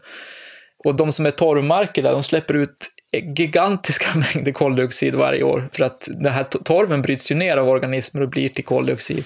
Ja. Vi hugger skog hela vägen till sjöar och till bäckar och vattendrag, vilket gör att det läcker ut tungmetaller och näringsämnen i de här miljöerna. Så vi både påverkar dem eh, väldigt negativt, men vi också gör, för de som äter fisk, fisken närmast oätlig i vissa delar av Sverige på grund av att det är så mycket mentylkvicksilver i dem. Då. Alltså, det går, jag, kan, jag skulle kunna hålla på hur länge som helst och berätta om de enormt negativa effekter som den typen av skogsbruk vi har idag ha, har på hela ekosystemet och oss människor. Det, det, det är liksom en, det är ett stort svart hål tyvärr. Eh, och det som är fakta och som jag tror väldigt få förstår, det är att det har gjorts eh, simuleringar nu av forskare som visar att om 10-15 år så kommer all naturskog vara slut som inte redan finns i de få procenten reservat. Så snabbt går det. Så det är nu, det är nu närmsta två åren, tre åren som vi kan sätta i bromsen om folk blir aktiva för skogen och vi kan skydda de här skogarna som faktiskt utgör EUs största naturarv när det gäller skog som aldrig tidigare avverkats, alltså kalavverkats ska jag säga. Alltså riktig naturskog. Vi, Sverige hyser den största arealen i EU och sen är det Rumänien som har då näst största arealen. Och den är borta om 15 år, det som inte finns i de här få procenten reservat. Så det är liksom en jäkligt akut fråga och eh, forskare som jag har samarbetat med och som, som har tittat på det här med, ur ett holistiskt perspektiv, tittat på alla effekter, alltså tungmetaller i vatten, klimatutsläpp, biologisk mångfald och så vidare, menar att i Sverige så är skogsbruket det största miljöhotet vi har överhuvudtaget. Alltså det, det är liksom sammantaget det största miljöhotet. Så det är en jätte, jätte, jättestor fråga, verkligen. Finns det någon vändning i sikte? Alltså problemet är ju att jättemånga av de, framförallt äldre män som eh, finns inom skogsnäringen, de har ju gått samma skola. De, de har utbildats i att naturskog är dåligt, trots att det var det som byggde upp historiskt sågverksindustrin och hela, hela skogsindustrin. Och man ska ersätta det mot, med snabbväxande granar och tallar. Och idag är det väldigt populärt att prata om att man ska göra monokulturer av främmande träslag också, alltså träslag som eh, som lärk eller contorta eller något annat som de tänker växer bättre än det som spontant föryngrats här i de här ekosystemen. Och de här männen som det oftast gäller då, de har väldigt svårt att erkänna att under hela deras yrkeskarriär så har de gjort någonting som är negativt för kommande generationer och negativt för ekosystemen. Det är liksom deras yrkestolkighet, så att de är väldigt svåra att påverka. Den andra saken är ju att politikerna bryr sig väldigt mycket om stora exportinkomster. Och skogen är en stor exportinkomst. Det är en väldigt liten del av vår ekonomi idag. Alltså, eh, om man räknar ihop bidraget till bruttonationalprodukten från både själva skogsbruket och omsättningen som är att hugga och sälja träden och förädlingsvärdet, alltså det man gör av det sen, så, så kommer man upp i 2-3 procent av bruttonationalprodukten. Men, men själva skogsbruket påverkar över hälften av all yta i Sverige. Och det är liksom helt oproportionerligt. Och tittar man på bidraget som de har till arbetstillfällen så är det jättelågt. För man har ju bytt ut Tidigare hade man ju folk som körde ut virket med häst och man hade men jättemånga som jobbade på skogen med att såga och yxa träden och sen med motorsåg. Men sen så i och med mekaniseringen att man bytte ut alla skogsarbetare, en stor del av skogsarbetarna mot stora skogsmaskiner, skotare och skördare, så försvann ju en stor del av arbetstillfällena. Så att de som jobbar inom själva skogsbruket idag, jag tror det är 16 000 anställda, det är ungefär vad som finns kommunalanställda i en större svensk stad. Större än så är det inte. Men de har en enorm makt och de har, de har Dels äger de ju skogen formligen, vilket gör att de har sista ordet. Sen har vi en skogsvårdslagstiftning som ska reglera skogsbruket som de själva har tagit fram för att de ville kunna säkra sig om framtida råvaruförsörjning. Och sen så har vi politiker som inte alls har förstått allvaret med klimatfrågan eller med frågan om biologisk mångfald, ännu mindre den. Eh, och de går ofta ut och in i bolagsstyrelserna. Så till exempel Göran Persson som länge var statsminister i Sverige, han var ganska nyligen ordförande för Sveaskog. Det finns en enorm allians mellan näringslivet och politikerna. Vilket gör att de miljömål som vi har som är liksom bra miljömål och som vi har lyckats få igenom genom en demokratisk process både på EU-nivå, FN-nivå och nationellt, de är mest på pappret tyvärr. Men det vi hoppas, det är ju att den här rörelsen som finns nu för att skydda skog, som jättemånga forskare, naturälskande människor är med i, som också markägare är med i, som vill ha ett bättre sätt att, att bruka sin skog, att den också ska bli liksom mer en, inte bara en rörelse för välinsatta, utan bli mer en folkrörelse. Och nu är det ju grupper som eh, Extinction Rebellion och andra som har börjat förstå att det här med skogen är väldigt viktigt eftersom en så stor del av världens kol finns lagrat i våra skogar. Och att det som händer när man hugger ner dem blir koldioxidutsläpp men också habitatförstörelse. Så jag, jag, hoppas att, och jag tror att det kommer bli en växande rörelse, men det är bara det att det är så himla sent. Det är liksom inte fem i utan fem över tolv de här tröskelvärdena som jag berättade om, som vi tillämpar i vår trädgård, alltså att 20-30% av all produktiv skog måste sparas i, och, och, restaureras. Idag har vi skyddat 6% av all skog, om man räknar med det som är i fjällen produktivt också, 3% ungefär nedan fjällen. Vi har väldigt långt kvar, vi tio, behöver tiodubbla det arealen. Och samtidigt så huggs det lilla som finns kvar. Så att det handlar om storskalig restaurering och ett helt annat sätt att se på skog och, och framförallt vad man gör av den. Alltså, det är helt galet att en så himla stor del blir saker som är helt onödiga. Direktreklam, alldeles för stora emballage inom den växande postorderrörelsen och så vidare. Så här brickunderlägg till de här McDonalds och alla de här snabbmatskedjorna som bara kastas varje gång som man tömmer brickan. Brickan ska ändå diskas så den finns. Liksom. Det mm. finns och, och, alltså, om, man, om man räknar på det, en jätte, jättestor del av allt som produceras från den svenska skogen blir helt onödiga produkter. Och det är ju det som miljörörelsen har misslyckats med att förmedla till allmänheten, att valet står mellan att ni ska ha levande ekosystem för kommande generationer, för de ekosystemfunktioner vi alla är beroende av, eller de här helt onödiga produkterna. Det, det är det som är liksom faktiskt knäckfrågan. För att det tar lång tid att få tillbaka en tusenårig skog, tar tusen år. Men, men det går. Men det, förutsättningen är den här minskade konsumtionen och framförallt den minskade produktionen och konsumtionen av helt onödiga produkter. Ja. Kan man säga något om dagens matproduktion i relation till skogens ekologi?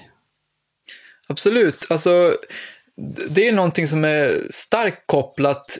I Sverige så är ju pappersmassaindustrin och den växande bioenergiindustrin det stora hotet mot skogens biologiska mångfald. Men tittar man globalt när det gäller tropisk regnskog så är ju i Sydostasien så är det ju palmoljan som vi använder i jättemycket av våra halvfabrikat i Sverige, alltså i resten av världen och som importeras därifrån, en stor, jättestor bov i dramat. Och när det gäller Sydamerika till exempel så är det ju den enorma köttindustrin som dels indirekt genom att man odlar upp massa eh, fodersoja och annat, men också direkt för betesmark eh, bidrar till enorm skövling av regnskog. Tittar man på de här arealerna som används idag för jordbruk eh, i världen så måste ju de vara mycket, mycket större för att det ska räcka till att föda först stora idisslande djur och sen då bli mat till oss. Så där kommer den här veganska tanken, eller tanken med att dra ner på animalierna in också i koppling till, till skogsskövling. Så vad vi äter och hur den produceras, den maten, är helt kopplat till skogsskövling och förstörelse av, av skogsekosystemen om man tittar på, på vad som har hänt eh, kring den moderna människan i relation till skogen så är det så att vi har ju avskogat mer än hälften av den tidigare trädbevuxna arealen för att anlägga framförallt jordbruksarealer och betesmarker. Om vi skulle kunna få ut träd på den där arealen igen, alltså vi skulle kunna få ut träd som, och buskar som binder massa koldioxid, som är grön infrastruktur för arter knutna till det, men som framförallt också kan skördas så att vi slipper ta det virke vi behöver från våra vilda skogar så skulle det vara jättemycket vunnet. Så jag tror att, att ställa om även liksom eh, spannmålsproduktionen till att ha alléer av träd eller liksom miljöer med träd i är en jättegrundläggande fråga för att vi ska kunna minska trycket på världens skogar också. Mm. Eh, det var faktiskt min enkelt. nästa fråga, vad jordbruket mm. kan lära av skogsträdgårdsodlingen. Men det känns som ja, det... du har delvis svarat på den redan. Ja, men det, det, kan lära jättemycket. Dels så kan det ju lära att man kan använda perenner på stor skala. Man kanske inte kan ha, vi har ju ett system med många hundra ätliga växter som är integrerade på ett sätt som vi testar på experimentnivå. Men om man förenklar de här systemen så att man tar in dussintals arter i systemet. De mest hållbara systemen, det är system som inte satsar på en gröda. För att om den går snett av någon anledning, om det är angrepp eller mm, liksom en dålig marknad för den det året eller vad det nu kan vara, så har man många grödor och, och man liksom inte satsar, lägger alla ägg i en korg så att säga, utan man, man verkligen sprider ut, då får man ett mycket mer resilient ekonomiskt system också. Och det kan man ju verkligen lära sig av från skogen. Hur får man ett så, så, stabilt och resilient system? Jo, en jättestor mångfald. Och det är ju verkligen grunden för en, ekon en hållbar ekonomi också, att man har många olika grenar man kan stå på, många olika arter man kan skörda. Så att om någon slås ut så har man alltid de andra man kan vila sig på. Ja. Eh, så det är en sak. Men sen är det också det här att plöjningen måste bort, det här bara jorden måste bort. Där kan man lära sig från skogen, hur gör skogen för att få så hållbart system, för att behålla så mycket vatten och näring som möjligt och tillföra näring och ha ett kretsloppssystem. Och det kan man också lära sig jättemycket eh, i storskaliga jordbruket. Fast återigen då, på förenklade sätt, att man tar ut vissa principer som man provar. Och det har ju gjorts eh, täckodling på tusentals hektar på vissa större gårdar i Nordamerika vet jag, så att det, det testas redan storskaligt och det funkar. Så att det är ingen det är liksom ingen hypotes eller teori att det skulle kunna göra, utan det går verkligen att jobba med de här systemen storskaligt faktiskt. Ja.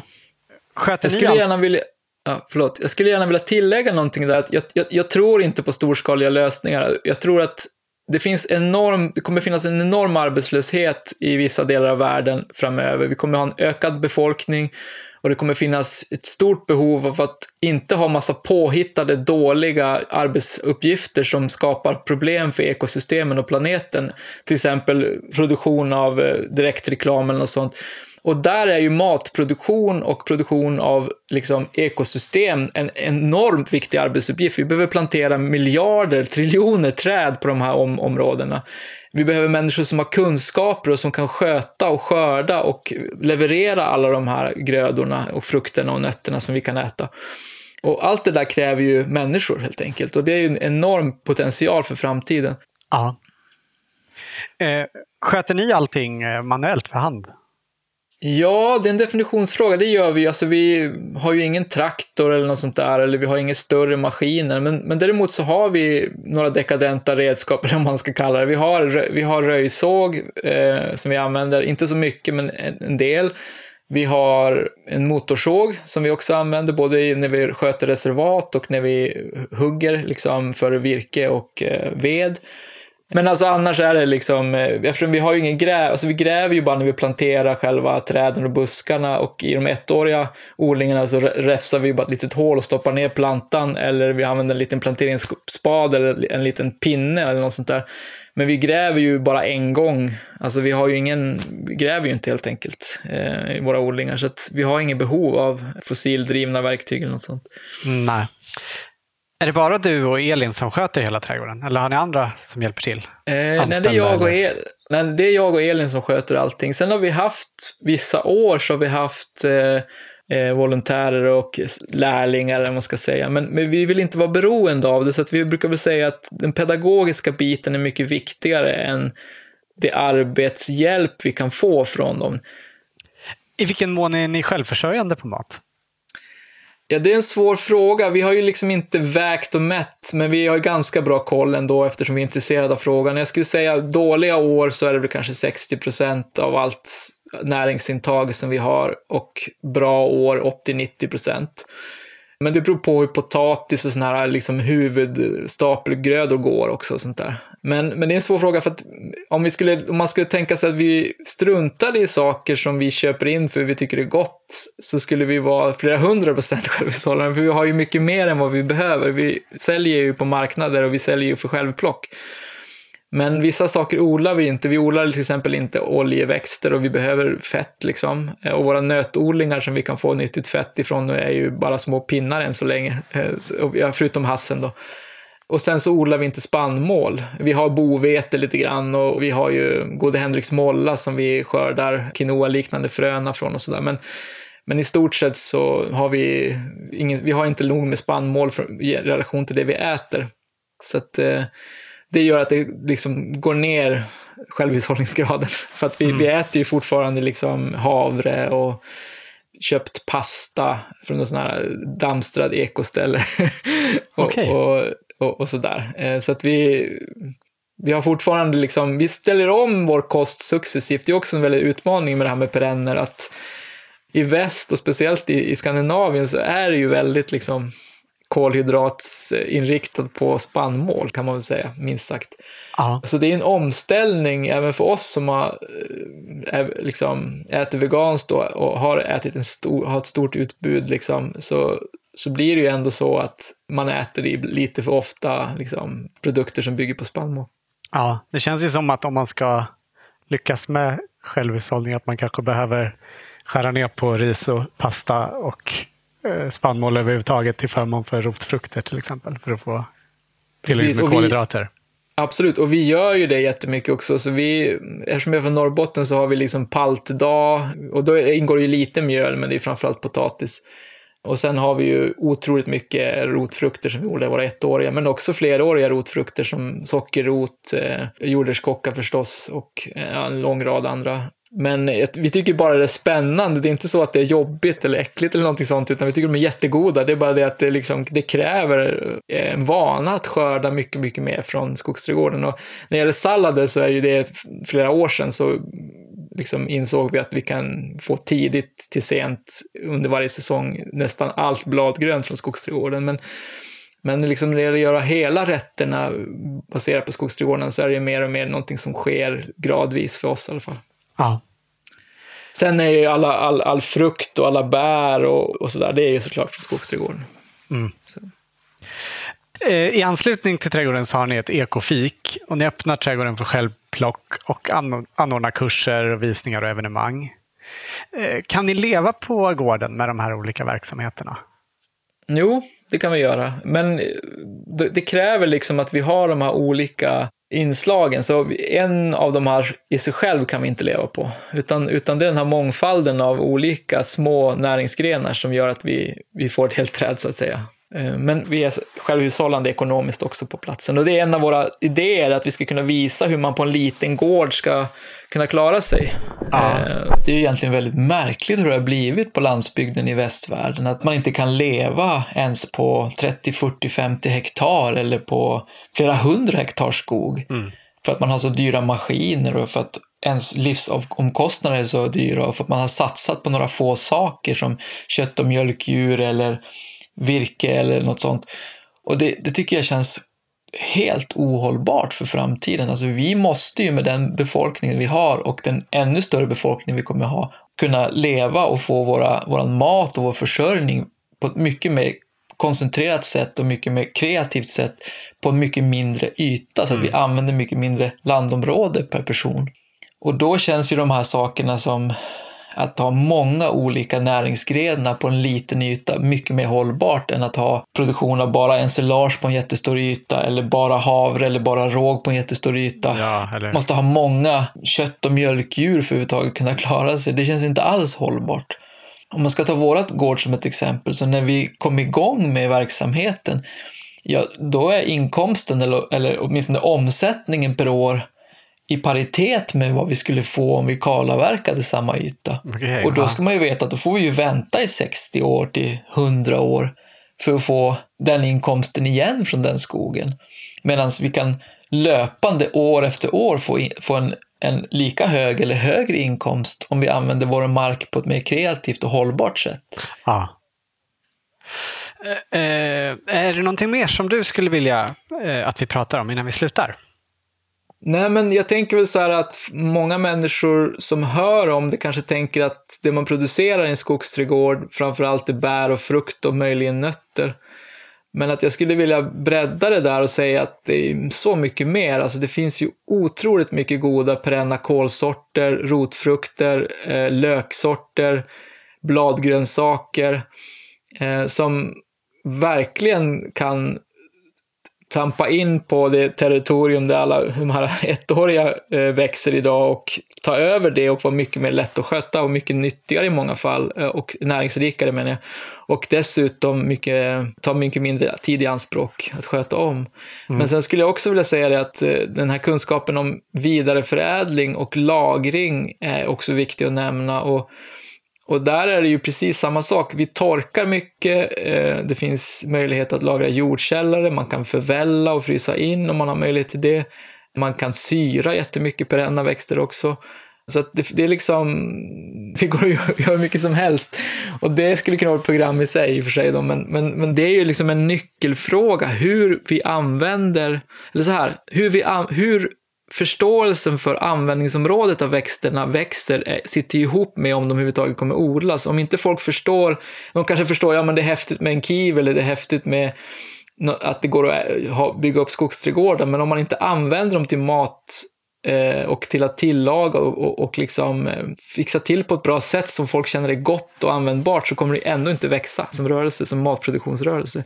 Alltså hur vi odlar skogsträdgårdarna, det ger sig. Vi har jättemycket kunskap om skogsekologi å ena sidan och vi har jättemycket kunskap om trädgårdskonst å andra sidan. Så att, hur vi ska få fram dem och, liksom så här, och etablera dem, det tror inte jag är något problem, utan det är liksom hur ändrar vi vår matkultur i grunden så att vi äter mycket mer varierat och mycket mer plantbaserat. Det är ju den stora frågan. Mm. Så våra barn älskar ju bittra smaker och sura smaker och syrliga smaker. Många barn har ju aldrig ätit det och kommer inte kunna göra det som vuxna heller om de inte liksom tvingar sig till att tycka om det. Och, och, och, det är ju en, ja, det är verkligen den stora utmaningen. Mm. Vi brukar ju alltid avsluta våra intervjuer med att vår medverkande får ge sitt bästa odlingstips. Vilket är ditt?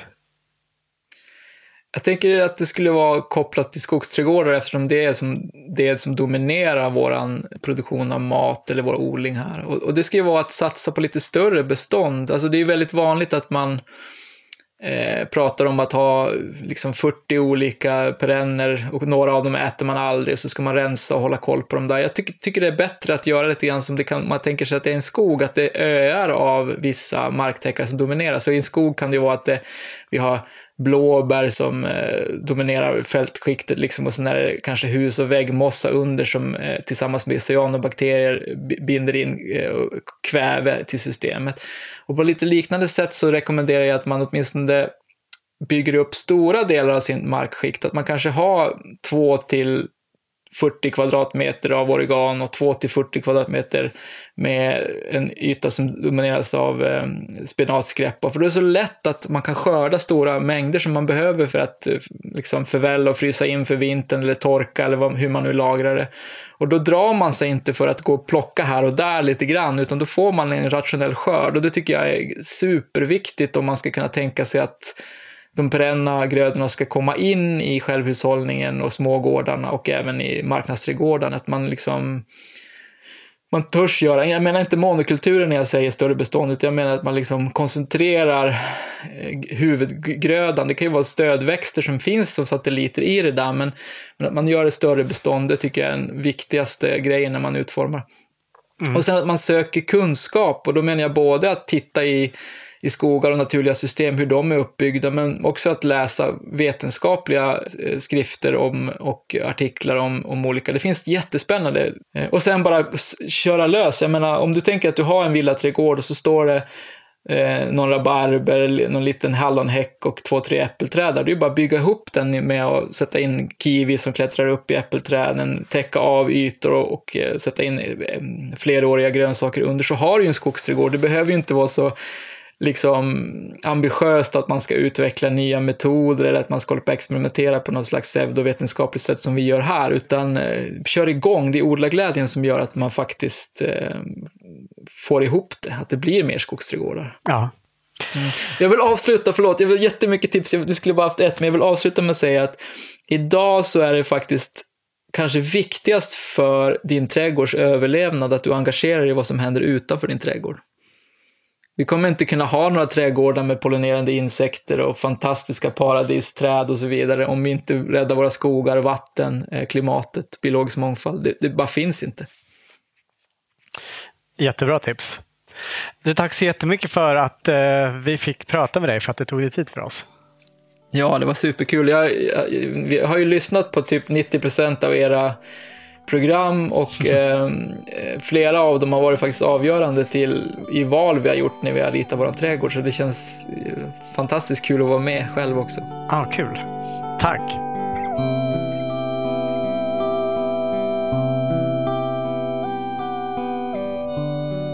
Du har hört Viktor Säve i Odlarna vill du läsa mer om Åfallets skogsträdgård, när de har öppet och om deras kurser, festivaler och andra evenemang så kolla in deras hemsida, matskog.com. Där finns även en del bilder från trädgården. Viktor och Elin har nyligen också startat en Youtube-kanal som heter Nordliga skogsträdgårdar, där de lägger upp filmer från andra trädgårdar de besökt.